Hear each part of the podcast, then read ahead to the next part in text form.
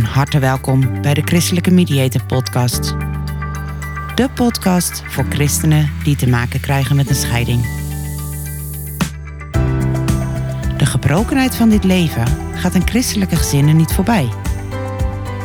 In deze podcast geven we een stem aan al die christenen die in stilte worstelen met een scheiding. Ook besteden we aandacht aan de kinderen, die vaak machteloos aan de zijlijn staan. Een podcast waarin we de rauwe werkelijkheid onder ogen zien, informatie delen, maar ook hoop bieden. Eerlijk, oprecht en zonder oordeel.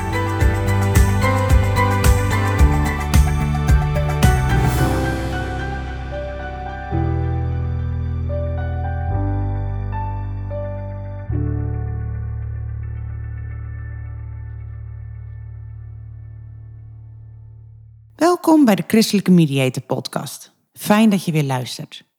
Op dit moment zit ik tegenover Alide Snitselaar.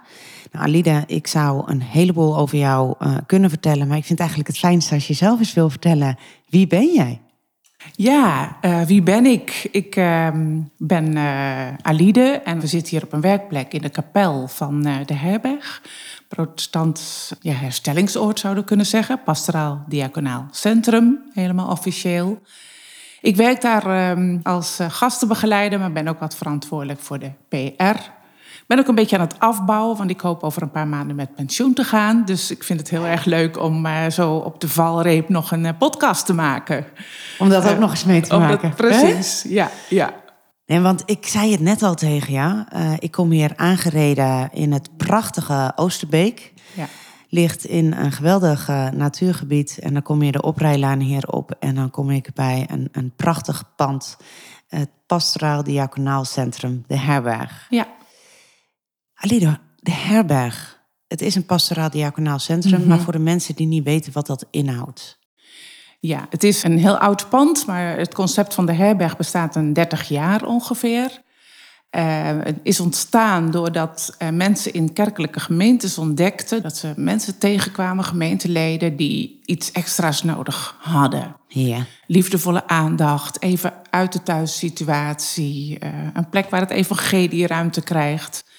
En dat is wat uitgewerkt en uiteindelijk is dat dus de herberg geworden. Alweer 30 jaar geleden. Ja, we bestaan, ik geloof nu 28 jaar. Ja. Dus uh, zo lang zijn we open. En sinds die tijd uh, hebben we eigenlijk steeds uh, op vorig jaar, na een paar maanden corona, hebben we steeds gasten ontvangen uit het hele land. Die ja. een time-out nodig hebben. We werken met heel veel vrijwilligers. Dus ehm, gasten hebben vaak behoefte aan liefdevolle nabijheid. En die vrijwilligers die staan daar echt garant voor. Dat is gewoon uh, geweldig. Uh, en uh, ja, de dagstructuur doet hen goed. Maar ook het woord, het evangelie wat open gaat, de Bijbel die open gaat. Gesprekken die de mensen hebben. Dus um, ja, mensen die knappen hier wel, wel op. Dus ja. echt een, een grote groep vrijwilligers die met elkaar um, ervoor zorgen dat er een veilige plek is waar mensen echt even tot rust kunnen komen als ja. ze om welke reden dan ook vastlopen. Ja. Ja, dat is eigenlijk goed gezegd. Er is natuurlijk een kleine professionele staf. Ja. Uh, uh, die staan op de loonlijst, zeg ik altijd. En dat zijn de mensen met de grootste verantwoordelijkheden natuurlijk. Maar daaromheen zijn 200 vrijwilligers. En dat varieert van mensen bij de administratie tot de receptie, tot mensen die de verhalen aanhoren van de gasten en luisterend oor zijn. Onderhoudsmensen voor de tuin, uh, keuken. Uh, dus alles wat gedaan kan worden door vrijwilligers, wordt door vrijwilligers gedaan. En dat schept een hele bijzondere sfeer. Ja, ja, wat fantastisch. Want dat zijn dus echt allemaal mensen die met hun hart en ziel zich hier inzetten. Ja, ja die het niet zomaar doen. Nee. Ja. Prachtig. Hey, als we kijken, uh, Alida, wat voor mensen. Ja, ik wou bijna zeggen, wat voor mensen zijn hier welkom? Mm -hmm. uh, en wat voor mensen komen hier? Ja. Welkom is iedereen die um, zich kan vinden in ons concept, om het zo maar te zeggen. Hè? Dus die mee wil doen met de, de activiteiten die er zijn. Uh, het is een soort kleine gemeenschap, vorm je een aantal weken met elkaar. Ja. en dan maakt het niet zoveel uit. Kijk, ernstige psychiatrie of mensen die ernstige verslavingsproblemen hebben, die kunnen we niet helpen. Daar hebben we de expertise niet voor. Nee. Maar mensen die op zoek zijn naar een warme plek, en dan maakt het eigenlijk niet zoveel uit of dat is omdat je mantelzorger bent, of dat je te maken hebt met eenzaamheid, of dat je verlieservaringen hebt uh, meegemaakt in je leven. Uh, of omdat je somberheidsklachten hebt, of um, relatieproblemen. Uh, dat maakt eigenlijk niet zoveel uit. Het is gewoon een time-out. De hulpverlening gebeurt vaak thuis. En dit is eigenlijk soms een, een, vooraf, dat mensen eerst uitrusten en dan pas de hulpverlening ingaan, omdat ze te moe zijn voor hulpverlening. En soms gaat het samen op. Het is echt even een plek om tot rust te komen. En niet per se uh, allerlei behandelingen en allerlei ingewikkelde. Echt, de rust staat centraal. De rust staat centraal, dagstructuur verhaal kwijt kunnen. Uh, ik zeg altijd, we geven geen therapie, maar het werkt wel therapeutisch. Ja, precies. maar dat wil ik zeker geloven. De kracht van rust is het. enorm. Ja, ja, ja. Hey, nou, nou uh, zeg je van, joh, hey, er is uh, in die, we hebben een dagstructuur. Die mm -hmm. dagstructuur die biedt veel. Kan je iets vertellen over die dagstructuur? Is die dagstructuur voor iedereen hetzelfde? Ja, in principe is die voor iedereen hetzelfde. Soms maken we wel wat keuzes als iemand te moe is. We hebben nu ook wel eens bijvoorbeeld met long-covid-klachten uh, mensen die komen. Ja. Dan zeggen we, doe maar de helft mee. Hè, in plaats van dat je een heel uur creativiteit doet, doe dat dan een half uur. Of in plaats van een heel uur uh, bijbelkring, doe dat dan een half uur. Of ga voor het toetje van tafel. Maar in principe doet iedereen dus hetzelfde. En dat zijn gewoon de drie maaltijden. Mensen moeten op tijd opstaan, dat is gewoon heilzaam. Ja. Uh, Tussendoor zijn er iedere keer rustmomenten. Iedereen heeft zijn eigen kamer. Er wordt heel veel gewandeld uh, in, de, in de omgeving. Mensen gaan even een boodschapje doen. En daar, uh, nou, daartussen heb je dus uh, een paar keer per week een bijbelkring... waarin we allerlei thema's eh, bespreken. Iets rondom het thema jij en de ander doen we. iets over zelfvertrouwen, omgaan met conflicten, grenzen stellen. Nou ja. Allerlei thema's. Ja. Dragen jullie die thema's aan of kunnen mensen zelf ook thema's aandragen? Nee, meestal is het, is het dat wij die thema's doen. Iedereen heeft zijn eigen begeleider... En uh, die, uh, die heeft soms ook een, een, een, hulpverleningsachtergrond, maar altijd ook iets van een, uh, een pastorale achtergrond. Mm -hmm. en daarmee daar worden dan echt, nou ja, met hen zijn echte gesprekken over waar, waarom mensen vastlopen. En dat is eigenlijk vooral hoofd- en bijzaken structuur aanbieden, soms erkenning geven, inzicht. En het echt weer structureren van de hectiek die er soms ook is. Precies, ja. Soms ook kijken van wat zijn hulpvragen voor hulpverlening. Wat voor uh, dingen loop je nou eigenlijk tegenaan en zou je hulp bij moeten hebben. Um, en dat proberen we altijd ook weer in verband te brengen met um, uh, het spirituele. Het, het, het, um, het geloof wat mensen soms... Uh, hebben, maar met grote vragen. Of wat weggeëpt is, of waar ze juist ook heel veel uh, aan, uh, aan beleven. Dus we proberen die, die, die dingen ook altijd in, in zo'n soort kader te plaatsen. Van wat betekent dit nu allemaal als jij gelovig bent? Ja, dit is niet voor niks een, een pastoraal diaconaalcentrum. Ja. Zijn er trouwens ook mensen welkom die niet christelijk zijn? Ja, de, uh, op zich uh, gebeurt dat soms ook wel. Maar de ervaring leert dat ze er wel iets feeling mee moeten hebben. Dus vroeger op een christelijke school hebben gezeten... en nu nog wel belangstelling bijvoorbeeld of zo. Hè? Dus uh, als mensen het helemaal niks mee hebben... dan is het heel bevreemdend voor ze. Hè? Dus aan tafel wordt er uit de Bijbel gelezen of een gedicht... of er wordt uh, nou ja, weer mondjesmaat gezongen nu. Dus als je daar helemaal niets mee hebt, dan is het ook niet fijn om hier te zijn. Is het bijna verwarrend. Precies. Want je komt ja. hier omdat je uh, op de een of andere manier rust en, en behoefte hebt aan begeleiding. Ja. En als die begeleiding dan een taal spreekt die jij niet kent, kan het heel dat is het. worden. Dat is het, ja. Is alles wat hier gebeurt in de groep, behalve de contact, ik noem het dan maar even, die je met je mentor of met je begeleider ja. hebt, ja. is de rest allemaal in de groep? Ja, het is in de groep, maar het is niet zo dat ze persoonlijke ervaringen delen in de groep. Dus de groep is een ontspannen groep voor de mensen. En ze moeten ook altijd beloven om, uh, als ze hun eigen ervaringen willen delen, hè, de reden waarvoor ze hier zijn, de zorgen, mm -hmm. dan moeten ze naar de vrijwilliger gaan. En niet een groepslid. Kijk, helemaal voorkomen doen we dat natuurlijk Nee, niet. nee, want nee. je trekt zo eh, een aantal dagen of weken met elkaar op.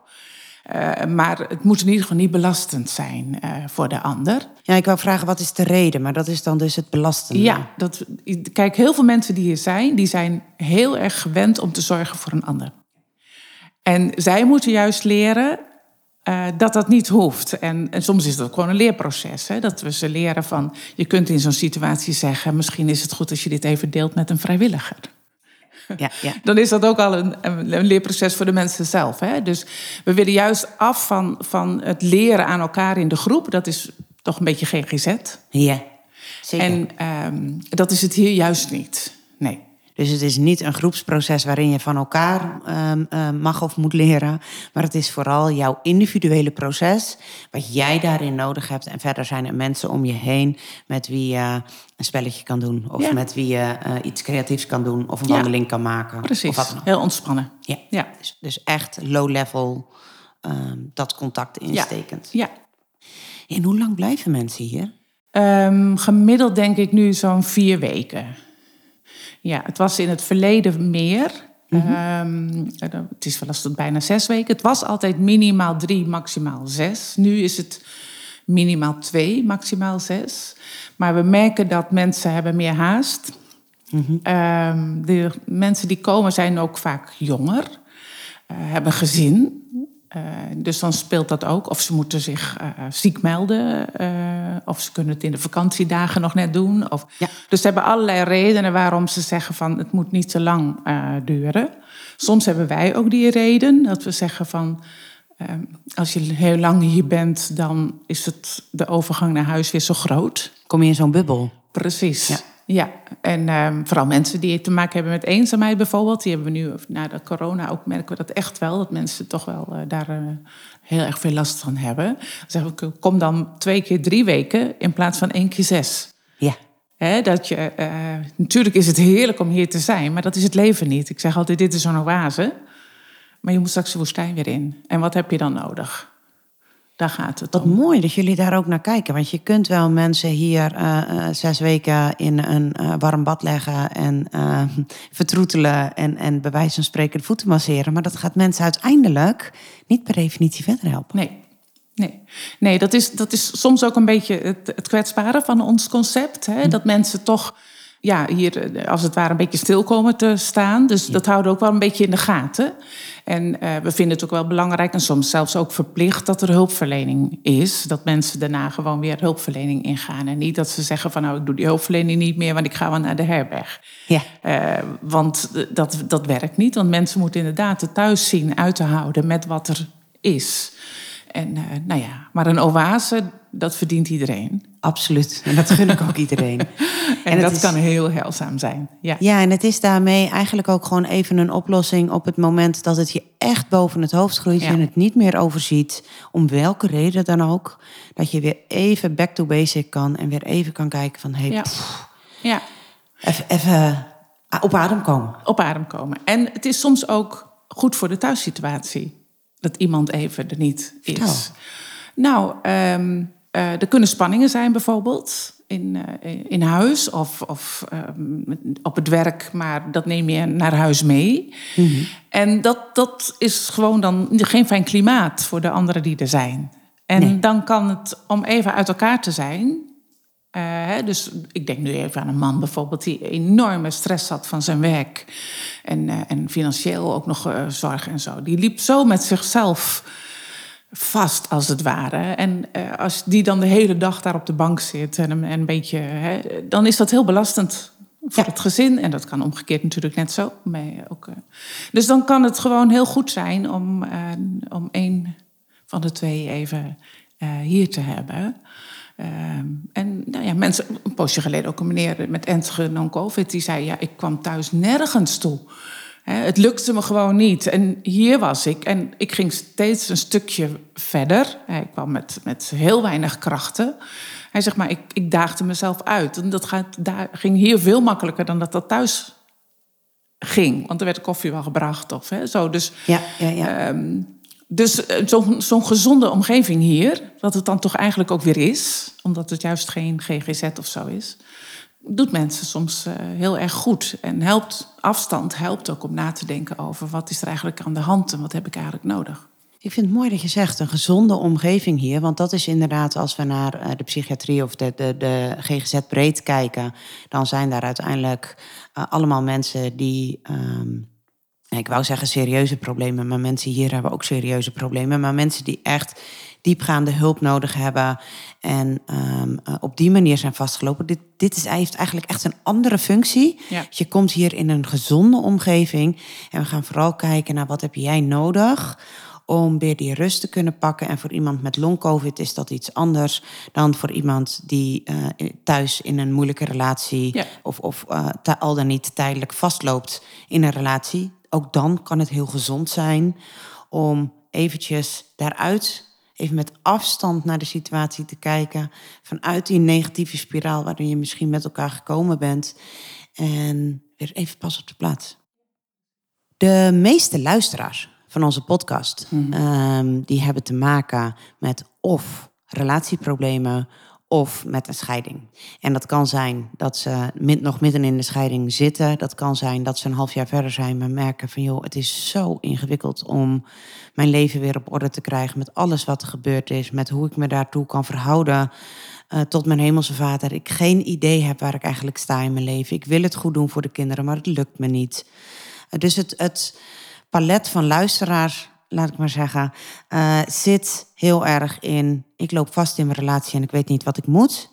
Tot ik ben gescheiden en ik, ik dacht of hoopte of vind van mezelf dat ik er nu eigenlijk zou moeten zijn, maar ik ben er niet. Mm -hmm. In hoeverre merken jullie dat ook deze doelgroep baat heeft um, bij een rustperiode hier in de herberg? Ja, nou, als je dit zo omschrijft, hè, dan, dan is dat heel herkenbaar voor veel mensen die hier komen. Um, ik denk dat zeven of acht van de tien was vorig jaar uh, van de mensen die hier zijn. En dat zijn er altijd zo tussen de 150 en de 200 per jaar die Ja. hier komen. Hebben te maken met relatieproblemen. En dat kan inderdaad uh, uh, in huis zijn, maar het kan natuurlijk ook zijn met een werkgever of met Zeker. ouders. Of, maar het speelt ontzettend. En juist dan ehm, even afstand ehm, is on, doet, ontzettend goed. Mensen die uh, door blijven gaan in een bepaald ritme. Um, in de spanning of in, in het, um, eigenlijk de overspanning van henzelf, hè, waar mm. mensen dan uh, uh, soms in zitten.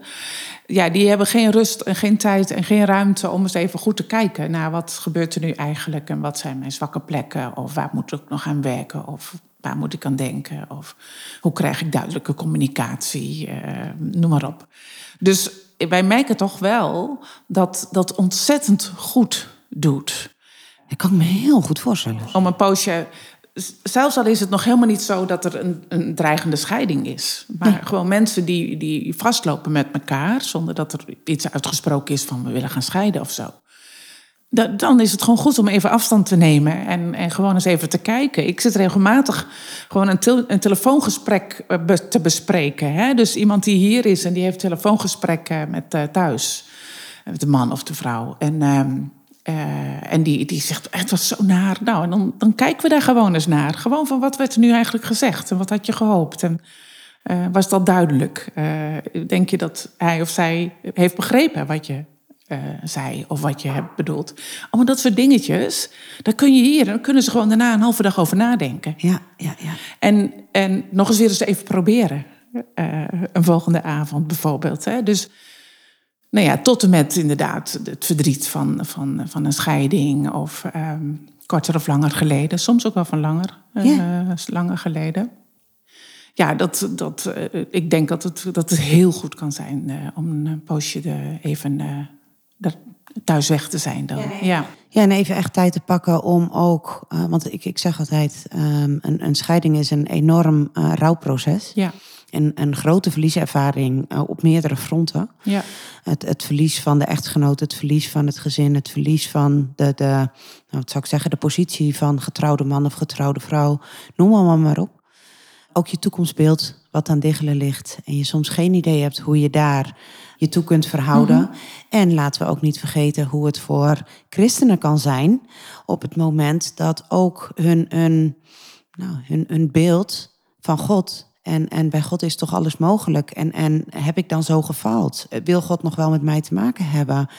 De mensen uit de kerk die reageren zo naar of die reageren niet. Of er zijn allerlei dingen ehm, waar ze mee te maken kunnen krijgen. Ja. Nou kan ik me voorstellen dat het toch ook wel een ingewikkelde rol is voor jullie als medewerkers en vrijwilligers. Want je hoort op dat moment, hoor je één kant van het verhaal. En wat we vaak zien is dat op het moment dat iemand één kant van het verhaal aan een vriendin of aan een vriend vertelt, is dat we al snel geneigd zijn om het ene verhaal wel te geloven en het andere verhaal niet te geloven. Herken je iets van, van die worsteling of um, de, de toch wel gevoelige lijn waar je je op kan begeven als mensen in een scheiding zitten? Of zeg je van nee? Ja, ik herken dat zeker. En um, kijk, mensen die willen heel graag toch gelijk krijgen. Hè? Ja. En uh, hun verhaal is dan natuurlijk ook zo gekleurd dat ze gelijk uh, krijgen. Niet altijd trouwens hoor, maar nou ja, een heel aantal van ons zijn contextueel geschoold. En, en dan leer je ook wel van, de, ten eerste is de erkenning van het verdriet, van de pijn, van de moeite, die, die is heel belangrijk. Hè? Dus dat dat gewoon, dan heb ik het niet over gelijk geven, maar gewoon erkennen van, dit is een, een verdrietig iets wat hier allemaal gebeurt. En ten tweede denk ik, ik, ik, ben zelf een hele erg grote voorstander van verbindend spreken en verbindend uh, luisteren. En als ik dat bespreek met, met bezoekdames bijvoorbeeld of zo, dan geef ik wel eens een, eh, een workshop die uh, in de kerk bezoekwerk doen of zo. Dan zeg ik van als er een tweede in het gesprek komt of een derde, uh, geef die persoon, het is, ja, het is heel eenvoudig eigenlijk, maar geef die persoon in gedachten een plek op die stoel. En praat zo met de ander. Wat gaaf dat je dat zo zegt. En dat is eigenlijk een hele eenvoudige manier om, nou ja, hè, officieel heet het dan meerzijdig partijdig, uh, maar een hele eenvoudige manier. Als je dat doet, en dat leren we dan ook wel ook aan onze, onze, vrijwilligers en zo, zo gauw er een derde, of het nou de Heere God is zelfs, hè, of de mhm. kerk, of de dominee, of de kerkenraad, of de partner, of nou ja, hoe dan ook. In gedachten is die bij het gesprek. Ja. En dan, dan zijn jouw vragen altijd zo dat ze niet de scheiding die er is, groter maken. Nee, dus dan is het eigenlijk een, een veel neutralere manier um, van, van daadwerkelijk willen helpen. Um, en, en ook breder kijken. Want het kan soms lijken alsof uh, als we iemand spreken uh, die in wat voor vorm van conflict dan ook um, uh, gewikkeld is, dat we diegene gaan steunen en het, het is ook belachelijk en het zou ook anders moeten enzovoort. Maar je laat met jouw antwoord, wat je net gaf, eigenlijk zien van ja, maar ik ben me er heel erg van bewust. En wij zijn ons er heel erg van bewust dat dat niet helpend is. En dat we juist um, uh, de zachte manier, de milde manier en daarmee op de langere termijn de helpende manier. Ja. Uh, en verbindend. Hè? Dus altijd, ik zeg niet dat je dan zo'n zo'n zo'n scheiding teniet kunt maken of zo, maar dat in ieder geval, ja, zacht is ook wel een mooi woord, maar dat, dat iemand toch uh, wat minder hard tegenover iemand anders uh, staat. In ieder geval, je moet er niet achter gaan staan, achter zo iemand, dan help je hem niet mee. Laat nee. hem mee in de steek. Ja. ja. laat je iemand in de steek. Ja, en het lijkt soms, het kan soms voelen alsof je dan iemand helpt, maar je ja. laat eigenlijk iemand in de steek. Ja. Hey, veel christenen die op, op een of andere manier in een conflict uh, verwikkeld zijn, en zeker op het moment dat ze in een scheiding verwikkeld mm -hmm. zijn, daar speelt het gevoel van schuld en schaamte een grote rol. Ze zijn bang voor een, een mening, een oordeel. Um, in hoeverre moeten ze bang zijn voor een mening of oordeel die ze hier zullen krijgen over het feit dat ze misschien wel zelf uh, vreemd zijn gegaan. Of dat ze misschien wel um, nou, van alles uh, wat je als buitenstaander kan zeggen, dat was niet de handigste keuze. Um, maar waar wel een verhaal achter zit. Kijk, wat ik veel tegenkom is mensen die zeggen: Ik heb mijn ja-woord gegeven. He, dus dan heb ik het even over een partij die liever niet wil scheiden. Mm -hmm. Ik heb mijn ja-woord toch gegeven, dus ik kan toch niet scheiden. Mm -hmm. uh, mag ik wel scheiden? Ze zoeken een, een, een reden uh, waarom het eventueel wel zou mogen, ook ja. van, van de Heere God. Of. en er zijn ook wel kerken die daar een beetje aan meewerken. Hè. Die, die, die zoeken ook naar wie is de schuldig en wie niet. Klopt. Um, ik denk niet dat dat zo heilzaam is. Ik zeg zelf altijd als mensen zeggen van... Um, uh, ik wil het hier hebben of ik mag scheiden, ja of nee. Dan zeg ik, daar gaan we het niet over hebben. We gaan het erover hebben of het mogelijke gedaan is om een relatie te behouden. Um, is het mogelijke gedaan? Um, het, is, het kan ook nog zo zijn, dat hebben we hier ook wel meegemaakt, dat mensen uh, het per se niet willen, terwijl eigenlijk doorgaan kwaad zou zijn. Doorgaan in het huwelijk. Doorgaan in het huwelijk, dat het kwaad zou, uh, zou zijn hè, voor de mensen zelf of soms ook voor de kinderen. Um, dus, maar dan zitten ze toch nog zo, maar dat mag toch niet, het mag toch niet. Hè? En dan zeg ik wel eens van, nou lees dan eens waar je ja op hebt gezegd. Is er nog iets te vinden in jullie huwelijk? van wat daar staat? Of zeg je nee, maar dat is er helemaal niet? En het, dat is er ook niet meer te vinden. Dus we gaan daar een, op een wat ja, andere manier mee om, denk ik, dan dat het nog wel eens gebeurt. Uh, en we hebben het, niet, we hebben het wel over kwaad. Um, als, er, als er mishandeling is of uh, inderdaad uh, regelmatig vreemd te gaan of noem maar op. Mm -hmm. Uh, pornografie komt ook veel voor. Ik bedoel, dat hoeven we niet goed te praten. Nee. Maar wat je zegt, er zit altijd een verhaal achter. Dat, nou ja, je hebt het verschil tussen verontschuldigen en onschuldigen.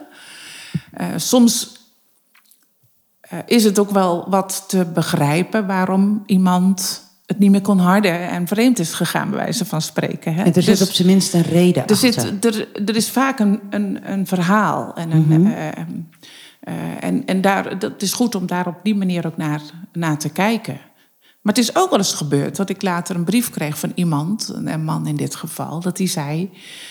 Um, nou ja, die heel snel was van ze moet me vergeven en uh, dan is het, dan gaan we weer door. Um, dat hij zei, je bent mijn Nathan geweest. Dus ik, die heb ik wel gewoon toch flink aan, even aan de tand gevoeld, om het zo maar te zeggen van... Uh, wat heeft dit betekend allemaal voor je vrouw? Hè? Ik wil zeggen van ja, we vergeven en we door. Maar, maar mag er ook ruimte zijn voor haar pijn en verdriet en noem maar op. En dat hij zei van dat is goed geweest uiteindelijk. Dus dat kan ook. Dus ja. alle situaties zijn, zijn anders. Ja, dus het is echt maatwerk om te ja. kijken van hé, hey, maar wat heeft deze persoon nodig? En daarin, het lijkt me ook wel een opgave voor jullie. Um, in die zin, kijk, het is uh, denk ik heel mooi om steeds opnieuw uh, te mogen kijken hoe je met mensen in verbinding kan komen. En hoe je mensen, al is het maar het, steuntje in de rug kan zijn voor die tijdelijke periode. Maar het, het lijkt me wel veel vragen van jullie om ook continu toch een intensiteit aan, aan pijn, verdriet, moeite, zorg en daarin steeds maar weer het juiste te zoeken. Um, helpen jullie daar in elkaar? Is er een vorm van, van intervisie of steun of, of wat We hebben, uh, even kijken, vier, vijf mensen die uh, echt gasten begeleiden. En die hebben hier dus ook mee te maken. Ja. En uh, die hebben iedere week een, een, vergadering. En dan worden de, de intakes besproken, maar ook wel de situaties van mensen die er zijn. Mm -hmm. En uh, we doen ook regelmatig, dat doen we dan thema met thema. Dus dan wordt er iets besproken. Een, een, een, een, nou, een artikel of, um, nou ja, wat ik zei, ik heb dat verbindend spreken en luisteren wel eens weer uh, toen gebracht en zo. Dus we hebben, kijk, het is een klein gebouw, hè, dus, en alles gebeurt in dat gebouw, dus er zijn korte lijntjes. Ja. En um, ja, we, kijk, wij zijn hier niet uh, relatietherapie aan het geven. Nee. Dus dat moet ons ook weer scherp houden. Van, uh, we mogen wel verbindend spreken en het oordeel er misschien wat afhalen. Wat mensen dan soms zelf hebben, een zelfoordeel of zo. Of dat ze wat milder naar zichzelf leren kijken. Uh, daarmee ook uh, anders naar de Heere God kunnen gaan kijken. nou, ruimte voor verdriet en pijn en moeite en zorg. En eventueel is er aan het eind van het verblijf, dat doe ik zelf ook nog wel eens, een partnergesprek. En dat is eigenlijk het doel van, um, nou ja, wat heeft deze periode jullie opgeleverd? Want thuis gebeurt er ook van alles. Precies, er is ook nog een heel leven. En, uh, en hoe gaan jullie verder? En, en dat leggen we dan ook aan, in de handen van de Heere God aan het eind. En eigenlijk is dat, dat genoeg dan ook, zeg maar. En dan kan het thuis wel weer therapie zijn. Of, um, of het wordt toch uh, gebeurd. Hè, het is niet nodig. Of nou ja, hoe dan ook. Maar uh, op die manier doen we dat uh, wel. Er wordt thuis ja. dan verder gekeken van wat is er eigenlijk nodig? Om, ja, soms worden die hulpvragen zelf uh, samen ook gemaakt. Hè, dat we aan het eind zeggen van nou dit is een hulpvraag, ga daarmee naar je hulpverlener. Of ehm, zoek iemand die je daarmee verder kan helpen. Ja, ja. precies, precies. Hey, en nou kan ik me nog wel voorstellen dat er mensen zijn die zeggen van joh, hey, um, drie of vier weken, uh, ik, uh, dat, dat, heb ik helemaal niet nodig. Maar ik zou, uh, of dat wil ik niet, of dat kan ik niet geregeld krijgen met mijn gezin of wat dan ook. Zijn er nou ook nog opties om te zeggen van joh, hé, hey, maar ik heb een, een, een week een time-out nodig? Ja, uh, op dit moment hebben we dat niet voor uh, relatieproblemen. We hebben uh, dat wel een paar keer per jaar voor mensen die tegen een burn-out aanlopen. In balans heet dat, een driedaagse. Ja. En mensen met verlieservaringen. Dat, en in dit geval gaat het over een, een overlijden. Een verlieservaring door een overlijden van een dierbaar persoon. Um, maar goed, het, het, zit wel een beetje in ons hoofd. Maar we zitten hier natuurlijk ook met een beetje de ruimte van hoe kunnen we natuurlijk. dat allemaal uh, doen. Um, om ook eventueel voor mensen die te maken hebben gehad met een scheiding, uh, uh, gewoon eens een soort lotgenootcontact. En ja. Nou ja, met een Bijbelstudie en een themaochtend. En veel wandelen en creatief bezig zijn en zo. Dus um, ik weet dat, we, dat ze dat ook doen bij bijvoorbeeld van de Hervormde Vrouwenbond. Die, die heeft ook van die oase dagen noemen ze mhm. dat. In een, in een gewoon een beetje verwen uh, situatie. Voor, uh, voor vrouwen in dit geval die gescheiden zijn. Um, en die dan gewoon met een groepje van een, een, stuk of acht of zo bij mij. Dat werkt gewoon heel erg goed. Uh, dus wij hebben dat zelf hier, hier niet. Maar dat, dat lotgenotencontact van, dat, voor gescheiden vrouwen is wel heel belangrijk. En als het nog in een situatie zit van, van uh, het repareren van het huwelijk, zeg maar, ja, dan, dan zeggen we ja, daar zijn wij eigenlijk niet voor. Dan kom je Precies. toch bij de relatietherapie en dat, ja. dat hoort toch aan anderen toe. Ja. ja. Iedereen heeft daarin ook zijn eigen kennis en kunde ja. en uh, zijn expertise. En ik denk ook dat het goed is dat we daar allemaal zoveel mogelijk bij blijven. Precies, ja. Als je kijkt, als mensen twijfelen of de herberg voor hun een plek zou zijn wat mm -hmm. hun zou kunnen helpen bij wie of wat kunnen ze dan terecht om, om het daar gewoon eens over te hebben? Om eens te bellen of eens te mailen? Nou ja, of... gewoon inderdaad alle werkdagen bellen. Ja. Uh, s morgens tussen 9 en 10 en tussen de middag tussen kwart voor en kwart over één. Dan hebben we een eerste gesprekje. Dan ja. krijg je een gastenbegeleider, dus ook aan de telefoon. Hè, dus uh, die rechtstreeks. En uh, dus dan kunnen we in eerste instantie al zeggen van...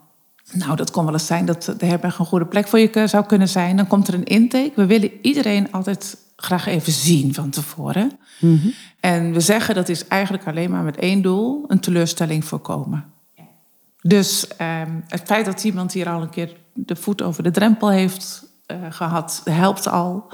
Mensen moeten zelf ook gemotiveerd zijn, want soms is de hele familie gemotiveerd, maar de zelf, mensen zelf die zien het nog niet zo zitten.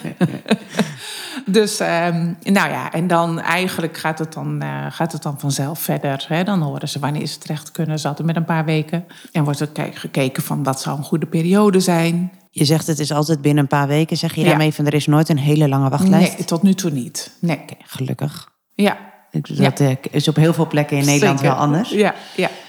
Ja, nee, dus dat kan omdat we, ja, we roleren best wel veel natuurlijk. Dus uh, dan. Uh, komt er ook weer plek. Dus, ja, ja. Ja, ja, ja, doordat er ook een korte doorstroomtijd Precies. is, relatief gezien. Ja.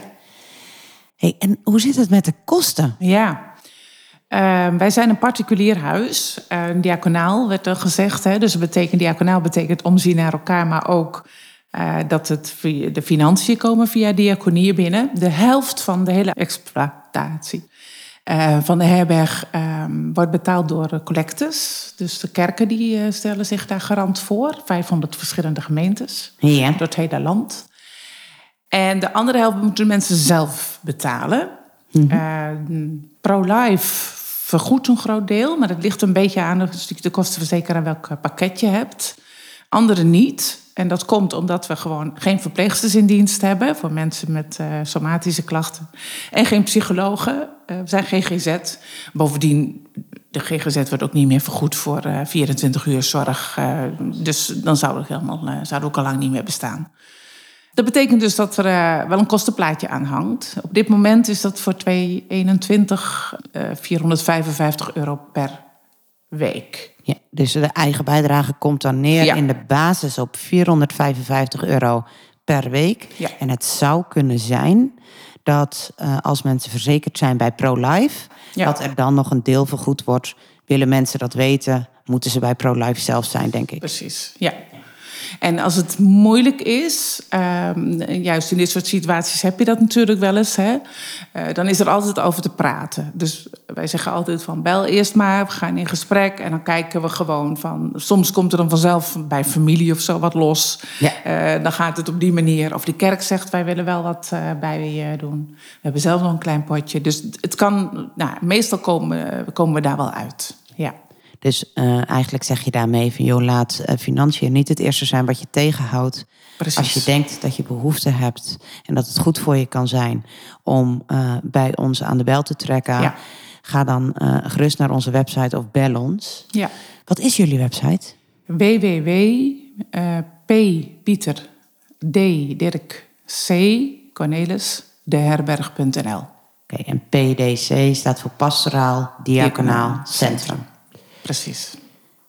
Zijn er nog andere dingen, Alide, die jij op dit moment kwijt wil, waarvan je zegt van hé, dat heb je niet gevraagd, maar daar wil ik nog wel iets over zeggen? Nou, um, toen ik hier heen reed, toen dacht ik van wat, wat uh, mij opvalt, en dat vind ik wel goed om voor mensen om eens um, ook naar te kijken. Uh, er zijn veel ouderen die komen met relatieproblemen. En dan heb ik het echt over ouderen, 70-plussers. Hier. En wij, wij zien dat steeds meer met hele verdrietige situaties.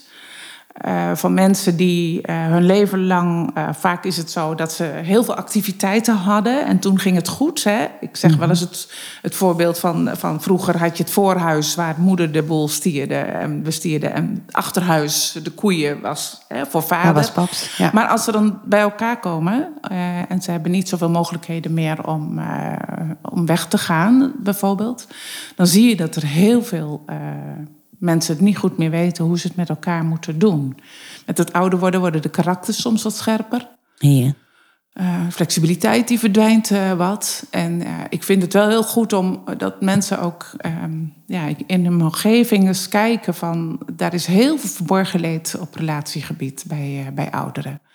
Om, om dat gewoon eens in de gaten te hebben en ook eens te vragen van... joh, hoe is het nu samen zo in één huis en zoveel samen en noem maar op omdat ik, ja, daar zien we echt heel veel verdrietige dingen. Uh, dus echt gebeuren. het omzien naar elkaar en zeker ook naar de oudere echtparen, ja. omdat er op hun, hele leven is veranderd. Ja. Um, ze zijn meer op elkaar aangewezen. Corona heeft daar natuurlijk ook nog een duit in het zakje gedaan. Mhm. En daarbij zou ik dan eigenlijk nog willen aanvullen van... hé, maar als je nou in gesprek gaat met mensen om je heen... probeer dan eens te kijken of je dat gesprek kan voeren... als je dat gesprek één op één voert... alsof de ander bij het gesprek aanwezig is. Ja, dat is mooi. Want Ja. dan zou het dubbel helpend worden. Ja. Ik zie heel veel mensen die heel graag veel en goed willen helpen... Ja. maar ook niet goed weten hoe. En dan kunnen we het soms onbewust nog moeilijker maken... Ja. doordat we uh, mee gaan praten in het verhaal... Uh, of wat dan ook. Ja. En heel helpend is dat niet. Nee, ja, heel goed. Ja. Hey, wat ontzettend fijn, Aline, dat ik zomaar op een zaterdag in december dit gesprek met jou hier mocht voeren. Um, ik wens jullie, en met jullie bedoel ik jou en alle vrijwilligers die hier aan het werk zijn, heel veel zegen op jullie werk. Wat prachtig werk wat jullie doen. Mhm. En ik zou bijna willen zeggen, nou, als er nou nog mensen zijn die zeggen, ik voel me geroepen als vrijwilliger, Ook graag. ook dan zijn ze vast welkom. Zeker. Ja, heel leuk. Hey, dank je wel. Graag gedaan. Dank voor het luisteren naar de Christelijke Mediator podcast. Mocht je behoefte hebben aan advies of aan een luisterend oor, schroom niet. Neem vooral even contact op. Dat kan via www.christelijkemediator.nl. We helpen je graag. Je staat er niet alleen voor. Wil je geen aflevering meer missen? Abonneer je dan op de podcast in je favoriete luisterapp.